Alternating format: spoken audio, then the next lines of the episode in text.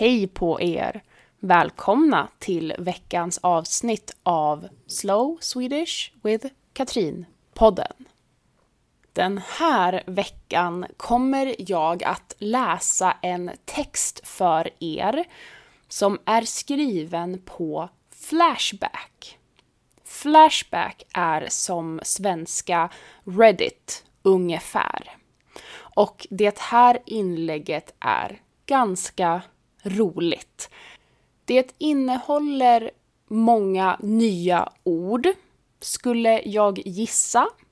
Och det är ganska avslappnat skrivet. Det är ju ett onlineforum och inte en bok eller en vetenskaplig text.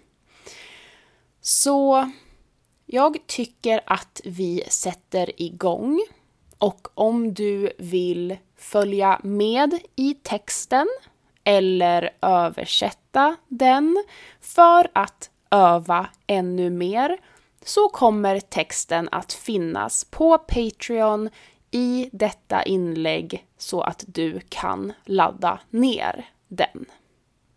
Så, vi kör igång. Om muskotnötens horribla effekter. Skrivet av Gerra.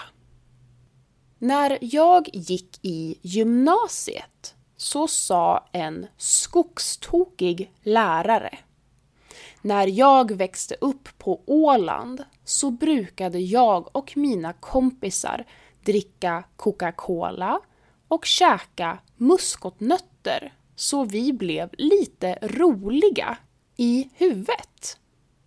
Detta tyckte jag naturligtvis lät spännande, så jag frågade lite mer om saken. Man ville ju locka den magiska formen ur gubben. När jag frågade såg han dock mest förvirrad ut. Vad menar du pojk? Är du helt dum i huvudet? Det ena har inte med det andra att göra. Coca-Cola dricks på bio.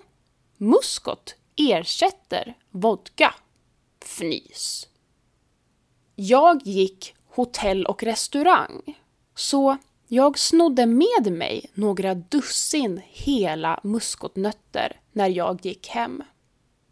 När jag skulle testa fann jag att muskotnötter är mycket svårtuggade.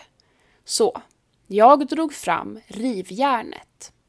Nu visade det sig att när muskot äts som annat än varsamt hanterad krydda så smakar den som sju svåra år. Jag slet tappert fram mina ciggpapper och lite tobak för att sedan med säker hand modellera fram en otroligt balanserad prototyp av något som jag inbillade mig skulle revolutionera min festekonomi. Upphetsad tände jag nu min exotiska cigarett. Efter några bloss upptäckte jag att nötens fett samlades i min lugg och panna för att därefter på ett mycket irriterande vis rinna ner i mina ögon. Jag slängde bort åbäket efter en stunds experimenterande med yoghurt, folköl och sylt fann jag den magiska blandningen. Massor av kanel täcker effektivt smaken av 14 20 rivna muskotnötter uppblandade i en tallrik filmjölk. Jag åt upp blandningen och satte mig och väntade. Inget hände. Jag gick ut med hunden för att fördriva tiden, men inget märktes. Jag blev förbannad över bluffen och satte i vredesmod på kaffebryggaren. När kaffet var klart satte jag mig lugnt framför Jeopardy med en kopp kaffe. På andra spelplanen upptäckte jag att jag inte fattade något alls. Jag hade blivit akut korkad. Nåja, det funkade ju i alla fall, tänkte jag.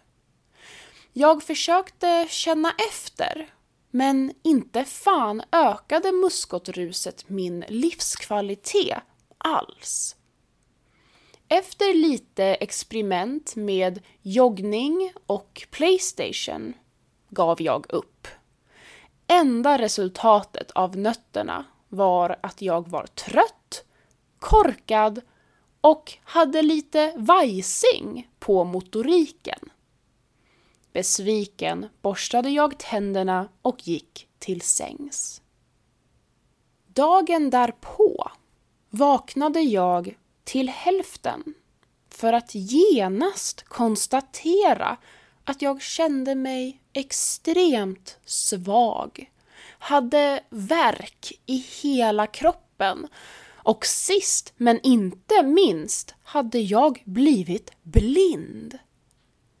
Chockad försökte jag resa mig upp men benen vek sig och jag rasade in i min svindyra skivsamling och skadade mig själv ganska svårt i fallet. Med skärvor från mina trasiga musikalbum instuckna lite här och var i min nakna kropp låg jag i en mycket skämmig och smärtsam pose och funderade över min prekära situation. Efter några minuter kom jag på att mina ögonlock var stängda och därtill omöjliga att öppna på vanligt vis. Med stort tålamod letade jag reda på mina händer och började varsamt lirka fram mina ögon. Lidandet tilltog ordentligt vid denna manöver och jag kände mig ändå lättad när jag fick synen tillbaka. Ögonlocken hade helt enkelt bara torkat fast på grund av extrem vätskebrist. Varsamt ålade jag mig ut till badrummet och sörplade i mig så mycket vatten jag orkade. När jag baddat mitt svårt medtagna huvud med en fuktig dambinda en stund började verkligheten dyka upp ordentligt. Jag upptäckte att en stor del av smärtan i min kropp orsakades av min överdrivet sprängfyllda blåsa. Men inte fan gick det att pissa heller. Efter en mycket varsam bukmassage började så min knallgula urin porla i sin totala frånvaro av genomskinlighet. Urinröret kändes som att det skulle frätas sönder. Men pinan från blåsan försvann. Efter att ha druckit lite mer vatten försökte jag borsta tänderna. Men tandborsten visade sig vara ett alltför klent verktyg för den uppgiften. Jag var tvungen att göra grovjobbet med naglarna. Aldrig har jag skådat en sådan fasansfullt äcklig beläggning.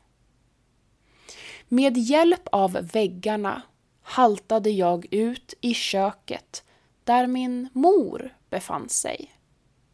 Jag tittade på klockan och konstaterade att skolan hade börjat för två timmar sedan. Jag harklade fram. Fan, Jag har försovit mig. Om jag tar några brusalvedon så kanske du kan skjutsa mig. Min mor levererade nu följande fakta. Skolan började så att säga för 26 timmar sedan. Du sov hela dagen igår så jag sa att du var sjuk när dina polare kom förbi. Efter att ha konstaterat att varken värktabletter eller mat på något vis hjälper mot muskotens fruktansvärda bakrus la jag mig i min svettiga säng och sög i mig blåbärssoppa tills jag somnade igen. Efter några dagar var jag helt återställd och gick tillbaks till skolan. Naturligtvis tipsade jag de poppiga eleverna i klassen om muskotens underbara effekter, liksom som straff för deras poppighet. Nåja, vad lär vi oss då av detta, pojkar och flickor? Jo, muskot är visserligen ett billigt rus, men definitivt inte prisvärt. Vidare kan vi konstatera att människor från Åland inte bara pratar konstigt, de är opålitliga också.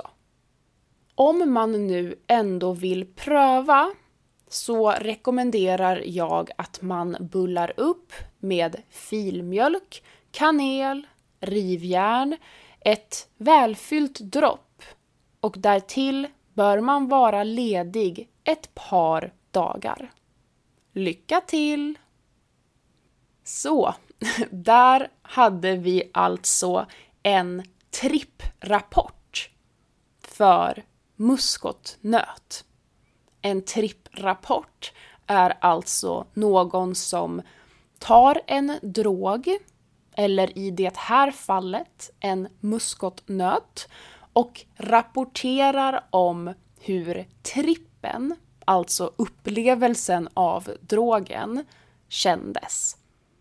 Jag vill inte uppmana någon att ta muskotnöt, men jag tänker att efter att ha hört om den här trippen så kanske det inte är någon större risk att ni vill prova. Eller? så, kolla gärna in dokumentet som jag har bifogat på Patreon för att följa med i texten och för att läsa en ordlista med några av de lite ovanligare orden och uttrycken från den här texten. Vi ses igen i nästa avsnitt. Hej då!